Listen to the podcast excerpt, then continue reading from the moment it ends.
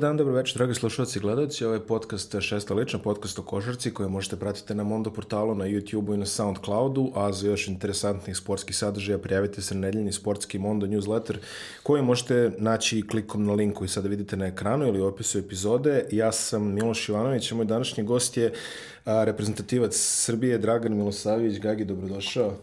Hvala. E, I ajde prvo odmah da se pozabavimo jednim ovaj, narodnim mitom ovaj, iz, iz, iz Wikipedije. Ovaj, da, de, de si ti zapravo rođen? ja sam zapravo rođen u Kruševcu, u, u, u kod Supa. Ali? A, ali moj kum je promenio ovaj, na Wikipediji, Lučić, e, ovaj, pa piše da je Čićevac. I sad ostaje šta god izađe neki tekst, ja sam iz Čićevca. Tako da, ovim slučajem demantujem da se moji kruševljani ne vidite. ko što ovaj? Ko što je Bobi, da. Ko što Boban Marjanović kaže nisam ja iz ove, šta veše, Požarevca? Požarevca, Da, nisam iz da. Požarevca, ja sam iz Boljevca.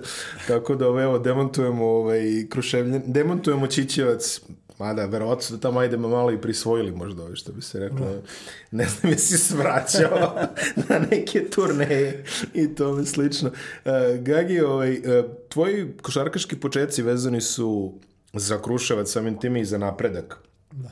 Kako pamtiš te početke ovaj, a, to ovako ovaj, kad se spomenje te velike ono srpske košarkaške sredine pa se priča o tim Kraljevu, Čačku, u krajnjoj liniji Beograda i tako dalje, Kruševac nije nekako na toj mapi, barem ovako na prvi pogled. E, Kako izgleda ovaj, početi košarku u tom nekom delu Srbije?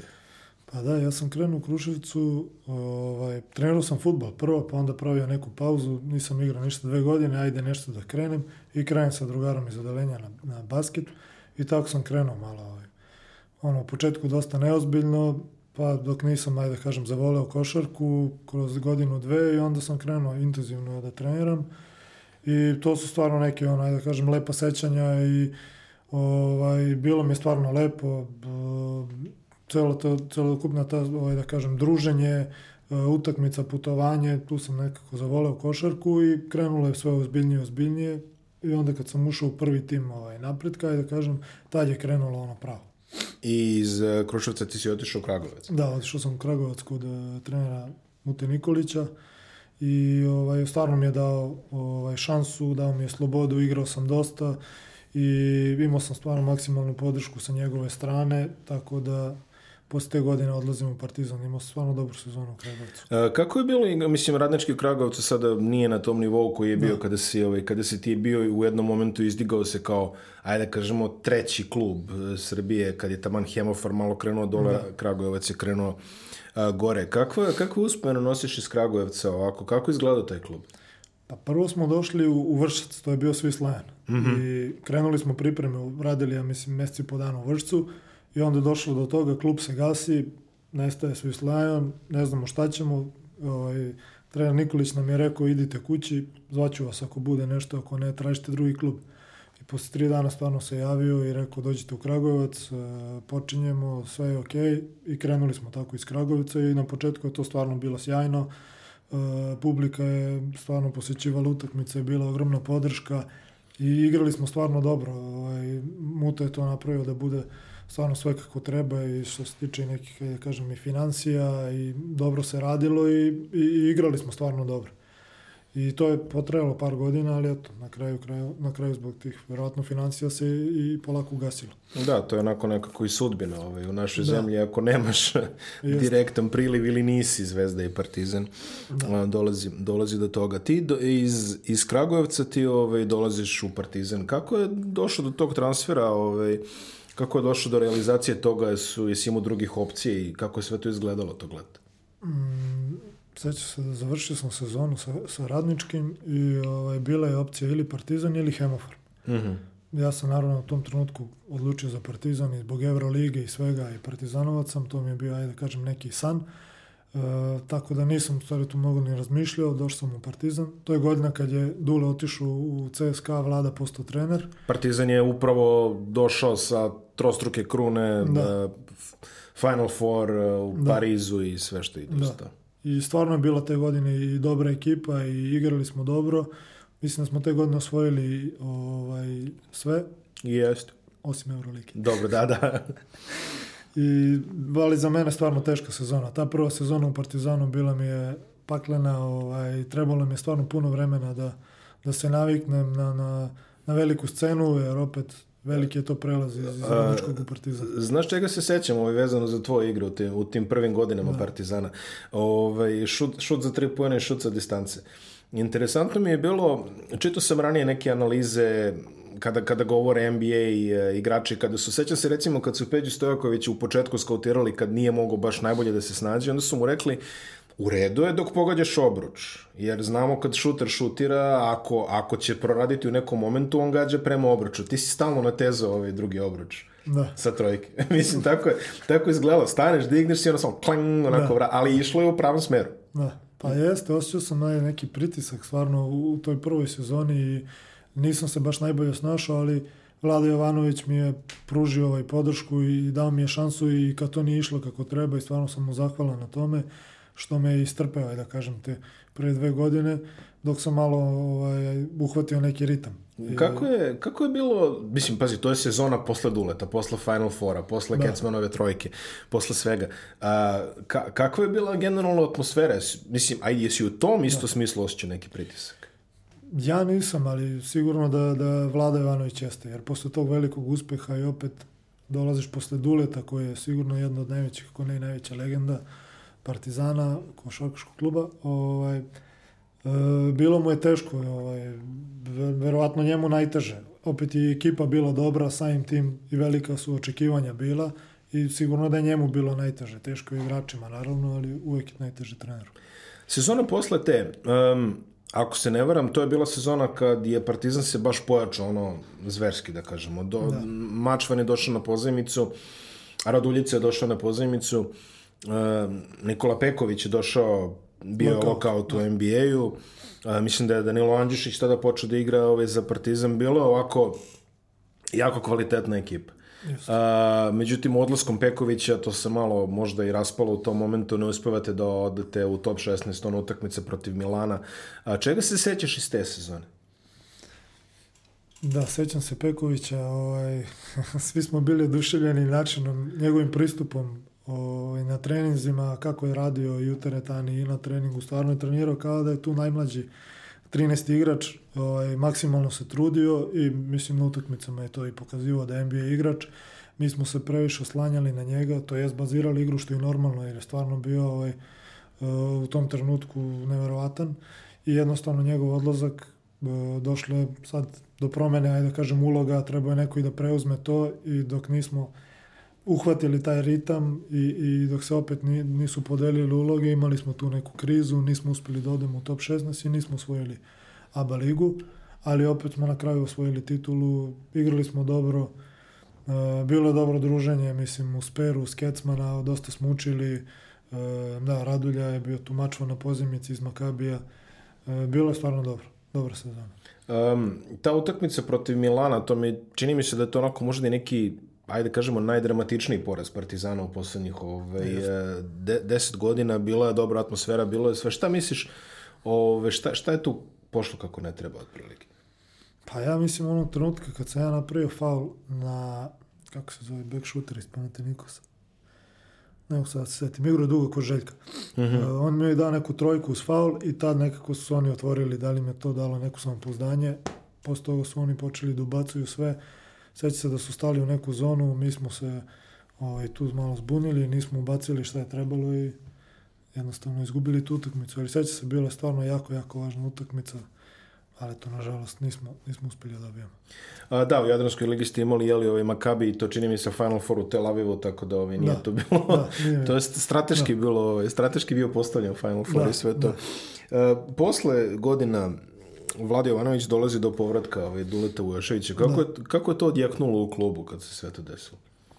Pa mislim, sigurno meni je bilo krivo što vlada odlazi, imao sam stvarno sjajan odnos sa vladom, opet dolazi Dule, jedan od naših najboljih trenera, svi smo bili uzbuđeni, kako će to da izgleda, čuli smo razno razne priče kako je bilo pre toga i svi smo bili onako malo u strahu i onda kad je Dule došao to je ono bilo, svi stajali mirno. Ali... E, to, to, to me zanima, da. svi imaju neku fantastičnu priču kako su prvi put spoznali ovaj, Duletove metode, ja sećam ovaj, mačvan koji mi priča da mu javljaju da je prvi trening sutra u šest, a on kaže u šest popodne.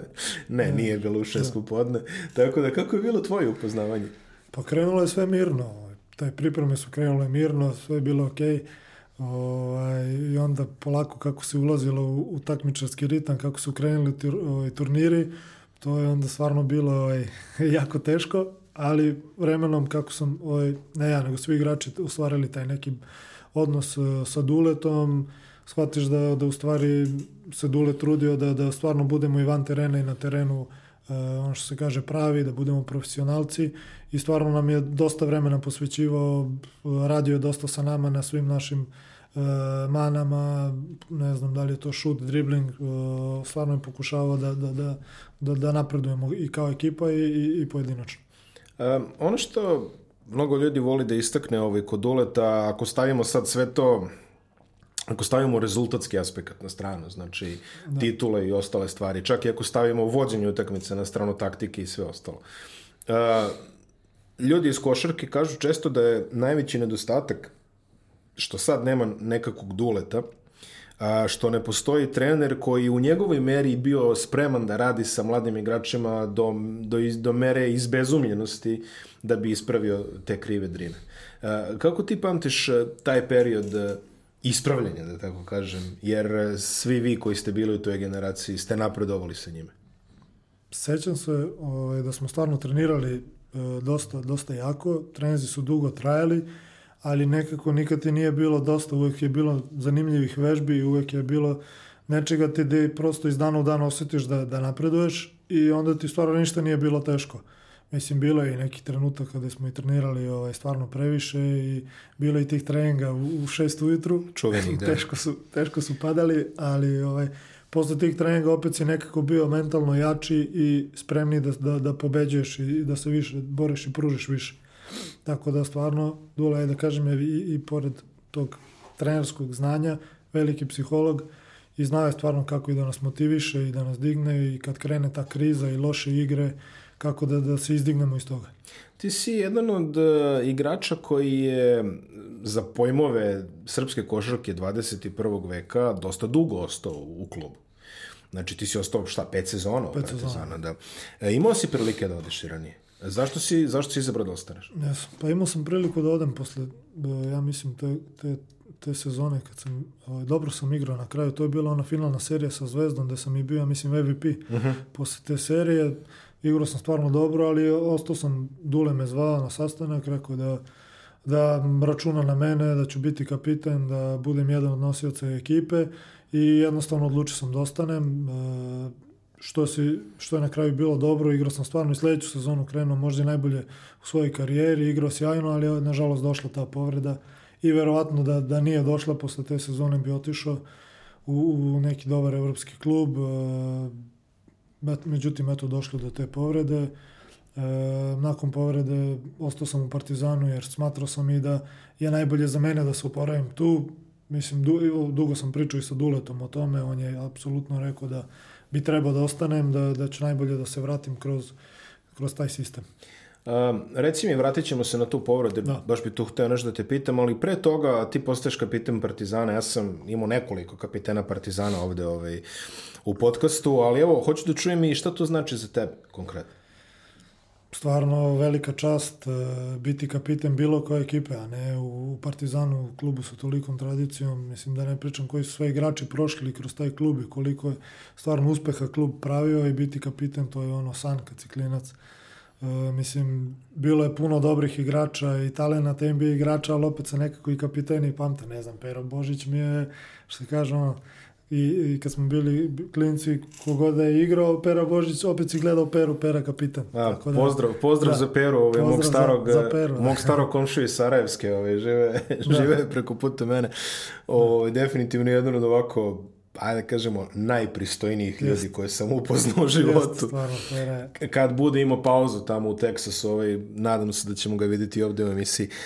Um, imao si priliku baš tih sezona, znači stasavala je nova generacija partizanovih talenta, to tu sad već NBA igrači, mi pričamo o Bogdanoviću, Bertonsu, Lovernu, da. Ovaj, evo konkretno, ti si bio u klubu, znači kad su došla ta dva Francuza, na primjer, to je, to je nama tad bilo dosta novo, dosta interesantno. Kako su oni izgledali kad su došli? Ovaj, kako, kako je to izgledalo?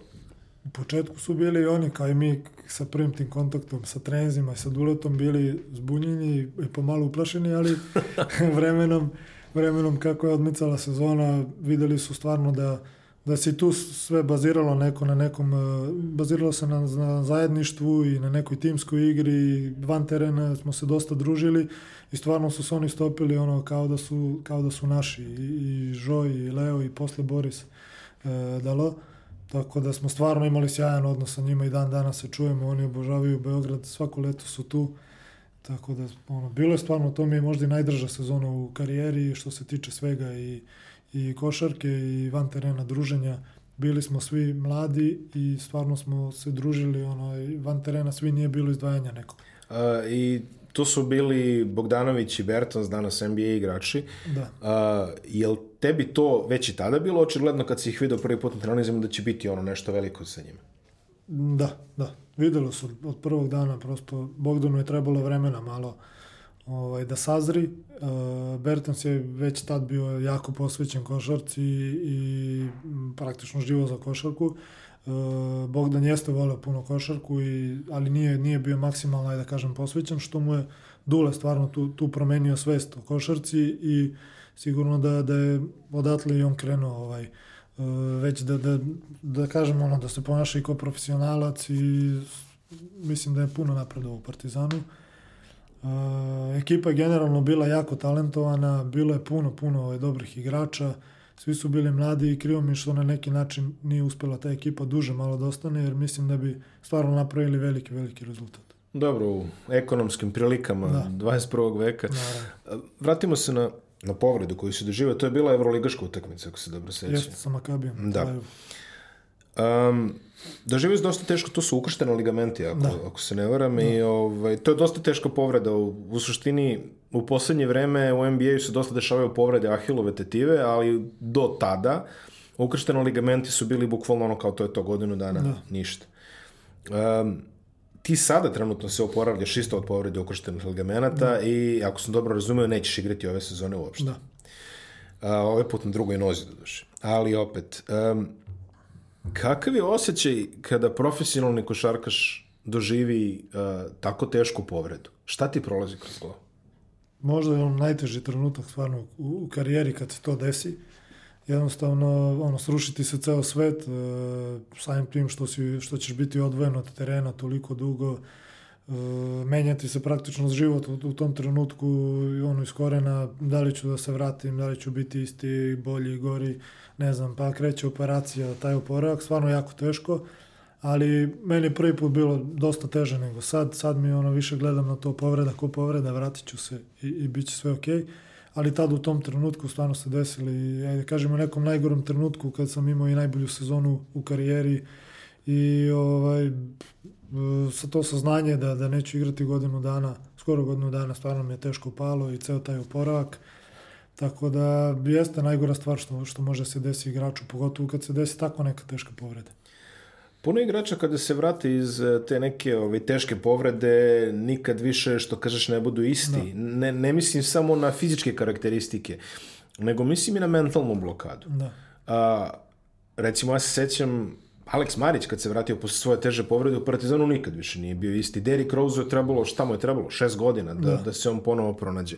A, postoji li neki strah u tvojoj glavi kada se ti vrataš teren? A, ti, ti si igrač koji važi za kontakt igrača. Da. Generalno, ono, puno si u, puno si u fizičkom kontaktu. Ka, kako se ti to, ovaj, kako je tebi to izgledalo u glavi?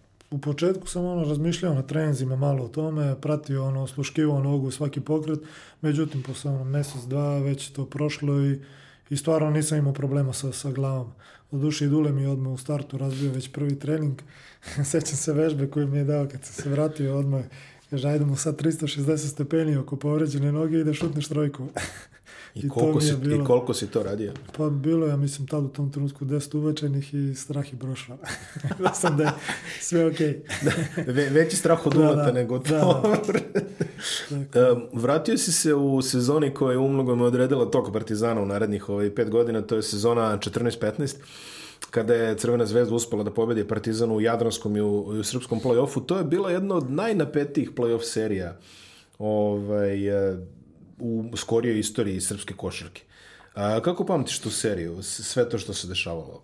Jako napeto, stvarno. Bilo je dosta pritiska sa jedne i s druge strane i na igrače i e, bilo je stvarno teško igrati, pogotovo ta sezona u Partizanu e, za sve nas jako teška, e, bilo je ovaj, dosta i povreda, ne znam, pa čekali smo Saleta da dođe, e, ja sam se oporavljao, sa finansijske strane možda i najteža sezona u Partizanu, da jednostavno ja mislim da smo bili na jednoj plati cele sezone, možda neko primio dve. E, tako da bilo je stvarno teško. Već ono, kad smo krenuli, sećam se, protiv budućnosti nam je bila bitna utakmica. E, tu smo utakmicu izgubili, već tamo je, sećam se, bilo jako loša atmosfera. Ja sam čak imao neki kontakt s nekim navijačem, nešto krenuo da me davi, ne znam šta je bilo. I stvarno jako napeta sezona. Posle i sa Zvezdom, nažalost mi nismo uspeli da, da, da iskontrolišemo taj pritisak i, i Zvezda isto sjajno igrala te godine, imali su i odlične igrače, jednostavno e, dobili su nas e, i što kažeš Jadranskoj ligi i posle toga u naše. Jako teška sezona. To polufinale je baš bilo onako na ivici noža, što bi se reklo. Jeste. Bile, bile su četiri utakmice i sve četiri su bile, ajde, osim možda, prve su bile relativno neizvesne. Ali ovaj, šta, šta, je, šta je tebi u glavi kad je, kad je takav, eto, mislim, stvarno intenzivnije derbije nismo viđali u dugo, dugo. I ka, kako je to onda izgleda na, na parketu? Sa tribine izgledalo, sa TV je izgledalo dosta ovo, da. ono. Posjeća su u vazduhu, ono što se kaže, ta napetost i Mislim, generalno igrati svaki derbi je posebno, poseban i igraš sa posebnom nekom uh, energijom i, i motivacijom i željom. Uh, sa dosta igrača Zvezde sam stvarno privatno prijatelj, ali kad smo na terenu velika Naravno. želja i sa njihove strane i moje i dođe do kontakta i svađe i tuče, dođe na basketu sa rođenim bratom, a ne u derbiju. Međutim, van terena smo mi stvarno bili dobri i ostali bili tada, ali jednostavno na terenu nekad odreaguješ i onako kako ne treba iz, iz te neke nervoze, pritiska, adrenalina. Tako da ta godina jeste bila stvarno teška, bilo je ovaj dosta čarki na terenu. ne s tobom da pamtim, da, ali... Da, da, da, pokušavali smo i sa Saletom dosta da pričamo, jer generalno on je tip koji igrao 10 godina u NBA-u, jednostavno nije bio u toj situaciji, nije to prošao i, i nije znao kako se ponaša i kako se postavi. Bez obzira što je on bio tu najstariji. Jednostavno, da, da, da, čovjek da. nikad nije igrao u, u, u takvom nekom ambijentu. I bilo mu je to sve ono, strano. Jednostavno nije mogao da se iskontroliš u nekim situacijama.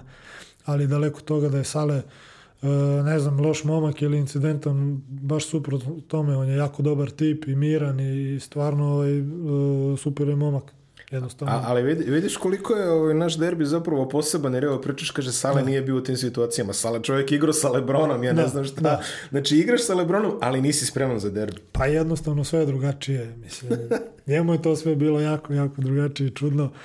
O, i, I bez obzira što igra sa Lebronom, izgleda da, da nije mogao da se nosi s tim u tom trenutku.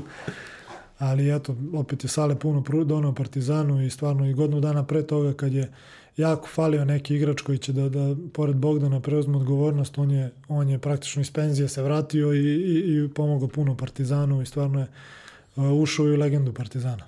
2015. dajde da stanemo tu malo sa, sa klubskom karijerom, ali 2015. ti i debituješ u reprezentaciji na nekom turniru, da se tako izrazim.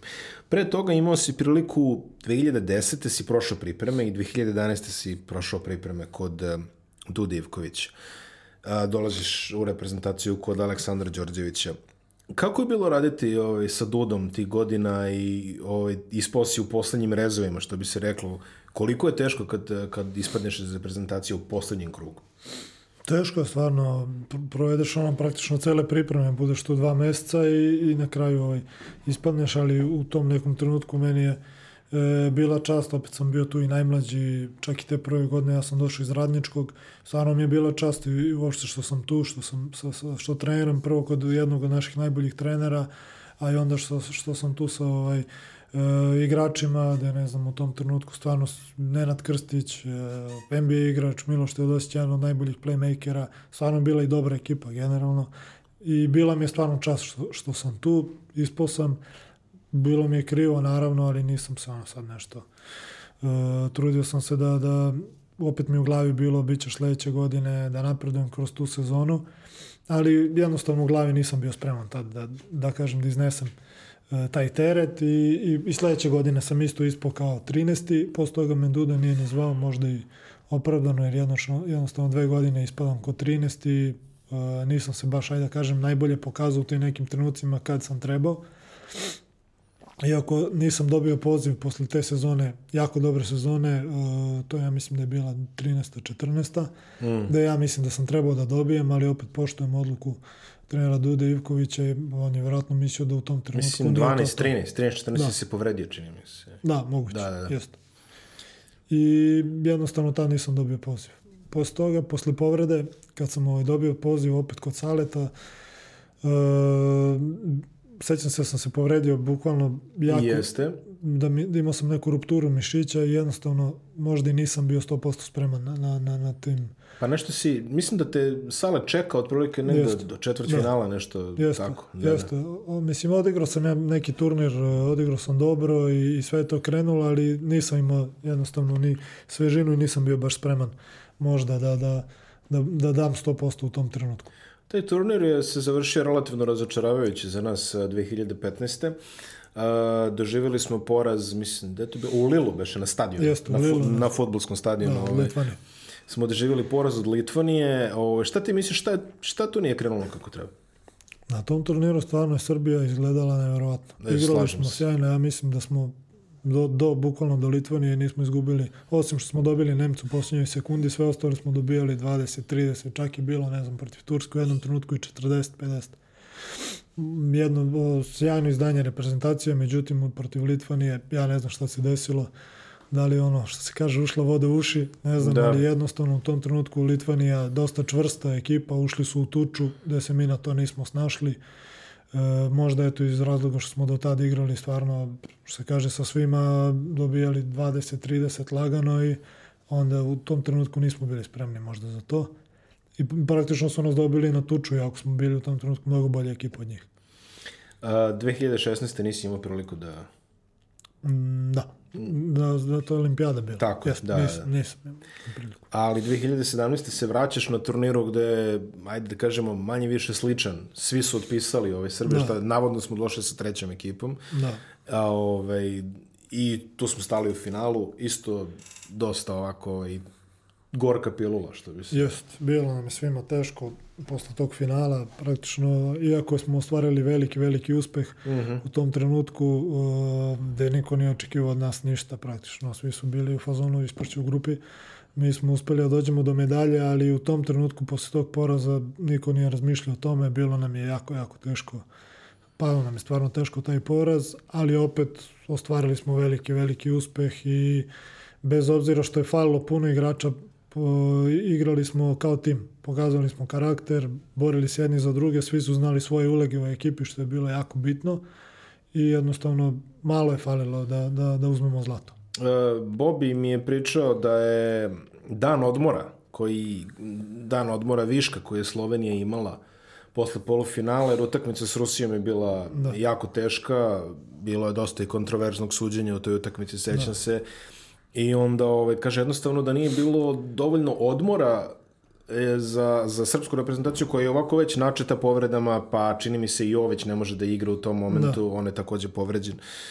A, je, bi puno značilo da smo imali, da smo bili, mi bili u poziciji Slovenije, da smo imali taj dan odmora viška. Koliko je, eto, dobra tema, ovaj, čisto da kažeš, jer kao profesionalni košarkaš u Evropi 21. veka igraš i po 80-90 utakmica, pa i još posle reprezentacije i priprema.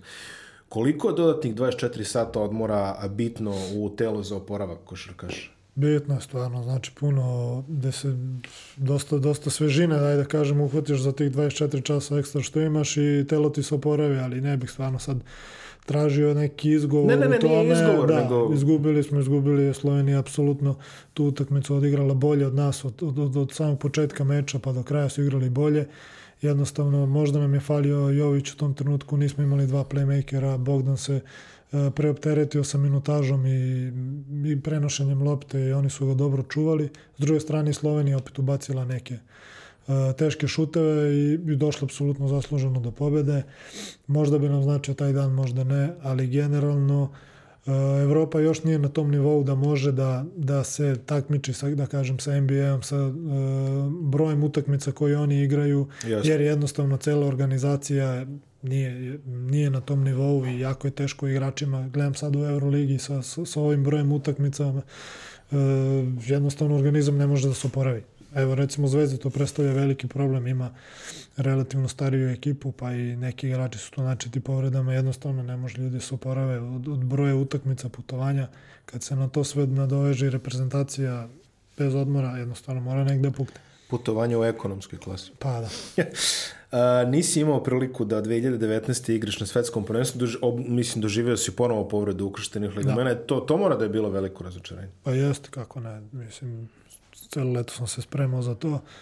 Uh, Sale očekivao isto od mene dosta na tom, uh, da kažem, u tom trenutku za reprezentaciju i prvi put sam se ono u karijeri izborio za neku ulogu, da kažem, u reprezentaciji i nažalost došla je ta teška, najteža povreda opet. Uh, povredu kao povredu sam prihvatio, nije mi bilo ono sad u glavi, doživio sam najtežu povredu i jednostavno mi je bilo krivo što neću biti u reprezentaciji. I koliko je teško da. bilo gledati sve to onda. Mislim, ti si deo da. te ekipe, ti si da. ono... Pa je sigurno teško. Ovaj, uh, mislim, samo pomislio da neću biti u ekipi, a i opet uh, način na koji smo prošli, uh, da je opet ekipa igrala sjajno od samog početka, jednostavno došle ta Argentina i pre toga Španija, da kažem, došle do, do pada u formi u tom trenutku desilo se u najgorem trenutku, i, i, ali bože moj, mislim, osvojili smo u petom mestu, nije to neka katastrofa. Jednostavno svi su očekivali zlato i pravili neki pritisak bez veze. A svi znamo koliko je teško da danas svi igraju košarku i teško je osvojiti bilo koju medalju, a ne zlato. Vratimo se na ovaj, tvoju klubsku karijeru i kada si odlazio iz Partizana. Zašto si baš birao Berlin? Mm, zvao me je Salo Bradović, Mislim, uh, pričao je dugo sa mnom, jednostavno u tom trenutku to, je, to, to mi je delovalo kao najbolja opcija. Imao sam još neki ponuda, ali smatrao sam da je, da je najbolje, da ću, prvo mi je Sale rekao da ću igrati, bit ću jedan od nosioca u ekipi i idem kod našeg trenera, prvi put idemo u inostranstvo, to mi je puno značilo. E, tako i bilo. Sale mi je stvarno dao ogromnu podršku i igrao sam puno kod njega, igrao sam dobro. I ovaj, stvarno mi je bila sjajna neka sezona, ajde da kažem. E, na kraju smo, ja mislim, loše završili sezonu, ali opet smo osvojili Nema, Nemački kup i to osvojili u Minhenu e, pobedom protiv Bayern Minhena, mislim, u finalu. Uh mhm. -huh. I opet ne mogu kažem, bile je manje više i uspešna sezona. Kako je bilo ovaj, živjeti u Berlinu, kosmopolitsko mesto, ovako da. dosta interesantno za život? Ovaj. Pa jest, ba, meni je omiljen grad sviđa mi se jako, mogu, mogu ih da živim tamo i kad završim karijeru. Uh, jednostavno grad koji pruža puno mogućnosti, što se kaže, imaš sve za svakoga. Da, I stvarno, da, da. stvarno ovaj, sjajan grad. A imao sam malo predrasu da ono, idem u Nemačku, kako ću se tamo snaći, pre toga ono malo Dobro. što sam proveo, da. bio si u Berlinu, ruku da. na srce, nisi baš bio, da, ovaj, da, da. već ovaj, sećam se ovaj prijatelj iz Minhena koji mi je rekao u Minhenu je drugačije, ali u Berlinu i da si Marsovac, da, naći ćeš nešto naći za sebe. nešto da, za sebe, tako. jest, sjajan grad, stvarno.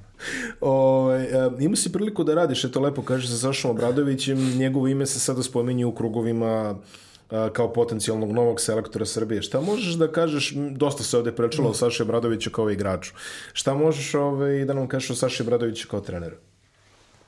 Prvo je jako posveđen košarcu i praktično je čovjek 24 časa u košarci i što se kaže, no, to mu je sve na svetu i stvarno je zna košarku, odličan je trener i stvario, ostvario veliki uspeh već sad u, u trenerskoj karijeri, ali ja mislim da će da je ono tek najbolje ispred njega i stvarno mislim ono i kao profesionalac i kao čovjek i kao trener jako dobar Uh, ja ono, mislim da ću i narednih par godina verovatno i da preuzme neku i ozbiljniju ekipu u Euroligi jer apsolutno ima potencijal za to. Posle, ove, ti si bio u Berlinu dve godine, jer tako? Da. I posle toga odlaziš u ACB ligu, odlaziš u da. Malagu. Eto, kažem nešto više o tom izboru. Pa jednostavno, u tom trenutku Unikaha igra Euroligu, uh, inače znamo za, za Unikahu da je odličan klub, e, isto lepa sredina, malo ga jako lep grad, što je jako bitno isto. Nije, nije bio da. niko ko je seo u ovu tvoju stolicu da, da, i rekao nešto loše o Malagi, da. tako da ovaj... I nisam puno razmišljao u tom trenutku, iako sam imao opet e, ponudu od Berlina, još tri godine da produžim ugovor. To je dosta sam, ovaj, da, ambiciozno za evropski uslov. Bio sam kapitan u tom trenutku isto Albe, ali eto, odlučio sam se za, za, za Unikahu, došao u Španiju e, i prva godina jako teška da se naviknem na ceo, na ceo taj sistem, e, način igre u Španiji, jednostavno e, jako mi je teško bilo te prve godine kao da je drugi sport bio u pitanju. E pa, reci mi tome, kako je bilo navikavati se znači, iz, iz, iz Srbije na Nemačku pa iz Nemačke no. Da. na Španiju? Totalno drugi sport. Svi znamo da je ACB liga najjača u Evropi, da je to možda nešto najbliže NBA-u, ajde da kažemo no. Da. tako. Mislim, uzreši obzir koliko igrača iz ACB ide u NBA i nije ni čudo. No. No. Ali ajde, šta, šta je bilo toliko teško u prilagođavanju? Iz Srbija, kad sam došao ovaj, kod uh, Saleta, nije bilo neke velike razlike, on je otprilike sličan, da kažem, Duletu po toj nekoj disciplini, uh, načinu igre, uh, ali onda prelazak u Španiju da je totalno druga priča, igra se drugačije, igra se brzo, uzimaju se neki šutevi što su kod nas, ja kažem, divlji šutevi aha, aha. i jednostavno sve je drugačije, celo njihova filozofija i razmišljanje. Bilo mi u početku stvarno jako teško se naviknem na to. Uh, došao sam iz totalno nekog drugog sistema i druge priče i ta prva sezona mi je stvarno, ja kažem, bila najteža u karijeri. Prvi put u karijeri da nisam mogao da, da pronađem sebi i ulogu u ekipi. Ko, znači, mislim, ti ono sloviš za nekog igrača, da kažemo, stare škole, ove naše. Da Znači onako disciplina, ulaz, ulaz, da. pa makar eh, ti lomili da. ruku, da. ne oni šutevi sa 5 metara i tako dalje. Da. A u Španiji čini se da to malo da. idu prema NBA-u u tom smislu, Jeste, sigurno, te tendencije. Sigurno da je najbliža liga NBA-u i jednostavno i ljudi koji su igrali NBA opet kažu da je na neki način NBA drugi sport u odnosu na, na ovo što mi igramo mhm, ovde. Mm -hmm. Uh, tako je u Španija dosta drugačija. Dobro, opet navikneš se, mislim, treba malo vremena na ceo taj njihov sistem, isto do tada ono, igro, gde god da sam igrao, igraš 20-25 minuta konstantno, međutim tamo kad sam došao jednostavno jednu utakmicu igram, jednu ne igram, pa igram 5 minuta, pa 15, igra se sa dosta rotacija, praktično sa 12 igrača i bilo mi je teško se naviknem da uhvatim neki ritam, ono. Kuđeš u kontraritam, jednu utakmicu, drugu, Da, a, a, a pritom stranac si kao, da. znaš, onda ono, da. malo te glede. Opet sam ja osjećao neki pritisak, tenziju i stranaca, međutim onda shvatim da je u Španiji totalno drugačije, da oni ne gledaju to na taj način. Pogotovo onda luzi. Da, da. E, dosta im je bitna atmosfera, pozitiva u ekipi, pa igro dobro ili loše, bitno samo da si pozitivan. A, imao si priliku da igraš e, protiv velikih španskih klubova još dok si bio u Partizanu, da. A, pretpostavljam i posle u Berlinu, ali evo sad, sad ono, Barcelona i Madrid su ti redovne ono, stanice, što bi se reklo, tokom sezone. I kako izgleda ovaj, otići tamo na gostovanje kao igrač? Sjajno, stvarno, mislim, igrati protiv takvih ekipa, da stvarno imate 12 vrhunskih igrača, e, ajde da ne pričamo o veličini kluba, o cijeloj organizaciji, E, sigurno da je motivacija protiv takvih klubova najveća i ono što se kaže najlepše i naj, najlakše igrati. Ja mislim da sam i najbolji igrao protiv tih ekipa jer ovaj, stvarno je najlakše igrati, nema šta da izgubiš. Gde ti, gde ti je bolje, ovaj, Blaugrana ili ovo u Madridu? Možda je lepša hala u Madridu, u tom nekom, ajde da kažem, smislu, ali opet e, i, i hala u, u Barceloni E, bez obzira što ne izgleda, ne izgleda toliko e, dobro, nekako je le, lepo osjećaj igrati tamo. E, stvarno, nameštalo se tako da sam uvijek igrao dobro u jednoj i drugoj hali. Ne znam zašto, pa su mi u lepom sećanju jedni i drugi. Gde je najbolje navijenje što si ovaj, sreo? Evo, mislim, u Nemačkoj ima navijenje, nije da nema, drugačije nego, ajde, naše, naše, naše odvojeno, ali uh, znam da recimo Halo Bambergu pravi dobru atmosferu. Jeste, Halo Bambergu ima sjajnu atmosferu, Berlin opet ima dobru atmosferu, na svakoj utakmici je 15.000 navijača i generalno da god smo igrali u Nemačkoj svuda su hale pune, apsolutno ono popunjene skroz jednostavno drugačiji mentalitet ljudi, oni drugačije gledaju na košarku nego kod nas i drugačije se navija, mislim. A u Španiji, gde je? Španiji stvarno jako vole košarku i prepoznaju e, apsolutno znaju, e, prate i stvarno poznaju košarku i lepo igrati, tamo su pune hale, ne znam, Tenerife su recimo nešto najbliže, ono, pioniru možda. Stvarno? Da, Dobro, to on, on je slove ovako za, da, za jako domaću ekipu. Ovaj, jeste, tamo. jeste. Ali tu mi je možda najbliža atmosfera nekako. A ovaj, je Baskonija? Baskonija isto ima, stalno, mislim, i hala puna i vole košarku. Španci generalno obožavaju sport. I, Da, da, da, da. da. da. I bude, mislim, svuda bude lepa atmosfera. Um, ti si sad već ono da kažemo u zrelim igračkim godinama. Šta je sledeći korak za tebe? Ti imaš još godinu dana u Malagi za početak, prvo to da kažemo. Ovaj, kako gledaš u budućnost? Hoćeš li se možda vraćati u Partizan jednom momentu? Volio bih da, da se vratim u Partizan. Naravno, volio bih da se vratim u trenutku kad još mogu da pružim nešto, nekad budem gotovo igrač. A mislim, o tom potom opet u Malagi sam sad u ovom trenutku pronašao neki svoj, da kažem, mir. I imam odličan odnos sa ljudima iz kluba, tako da za sad sam tamo. Da li ću produžiti saradnju, opet zavisi od te sezone kad se budem vratio od njihovog razmišljanja, ali definitivno da bi volio da, da, da dođem u Partizan. A, dok si ovaj, u oporavku ovde u Beogradu si ovih par meseci, imao si priliku i da par puta gledaš Partizan ovaj, uživo. A, ajde prokomentariše malo ovu trenutno njihovu sezonu Eurokupu. Evo sad su ušli u neku laganiju, da kažemo, krizu rezultata. Izgubili su dve utakmice, međutim čini se da im dobro ide za sada. Sviđa mi se stvarno ekipa Partizana ove godine. Nemaju neke e, zvezde u ekipi, svi su tu po kvalitetu slični, ali je stvarno jako kompaktna ekipa i igraju dobro. E, dosta su imali nekih utakmica da su igrali loše, ali opet pobeđivali i, i, i ovaj, pokazali karakter, što je jako bitno opet. Mislim da, da, je, da nije ovo pun potencijal ekipe, da sigurno ekipa će tek uh, igrati uh, još bolje. Uh, Trinkeri za sad radi sjajan posao i možda im treba neki igrač, ne znam. Sad kakva je situacija, vidim da, da opet uh, Parhovski se nešto ne skida, da li će ostati u ekipi i neće, ali sigurno da im fali možda neki igrač na, na centru i možda čak i neki spoljni igrač. Uh, vidjet ćemo kakva je situacija, ali za sad igraju jako dobro. Navodno su u kontaktu sa nekoliko Amerikanaca za rešenje te, ovaj, probali su nešto sa Jamesom Bellom, to se ispostavilo da, da se nije ovaj, desilo. Naš drugi predstavnik Eurokupujemo Crvena zvezda igra Euroligu, trenutno i oni igraju isto promenljivo i čini se da ni oni nisu ispunili svoj pun potencijal za sad. Jeste.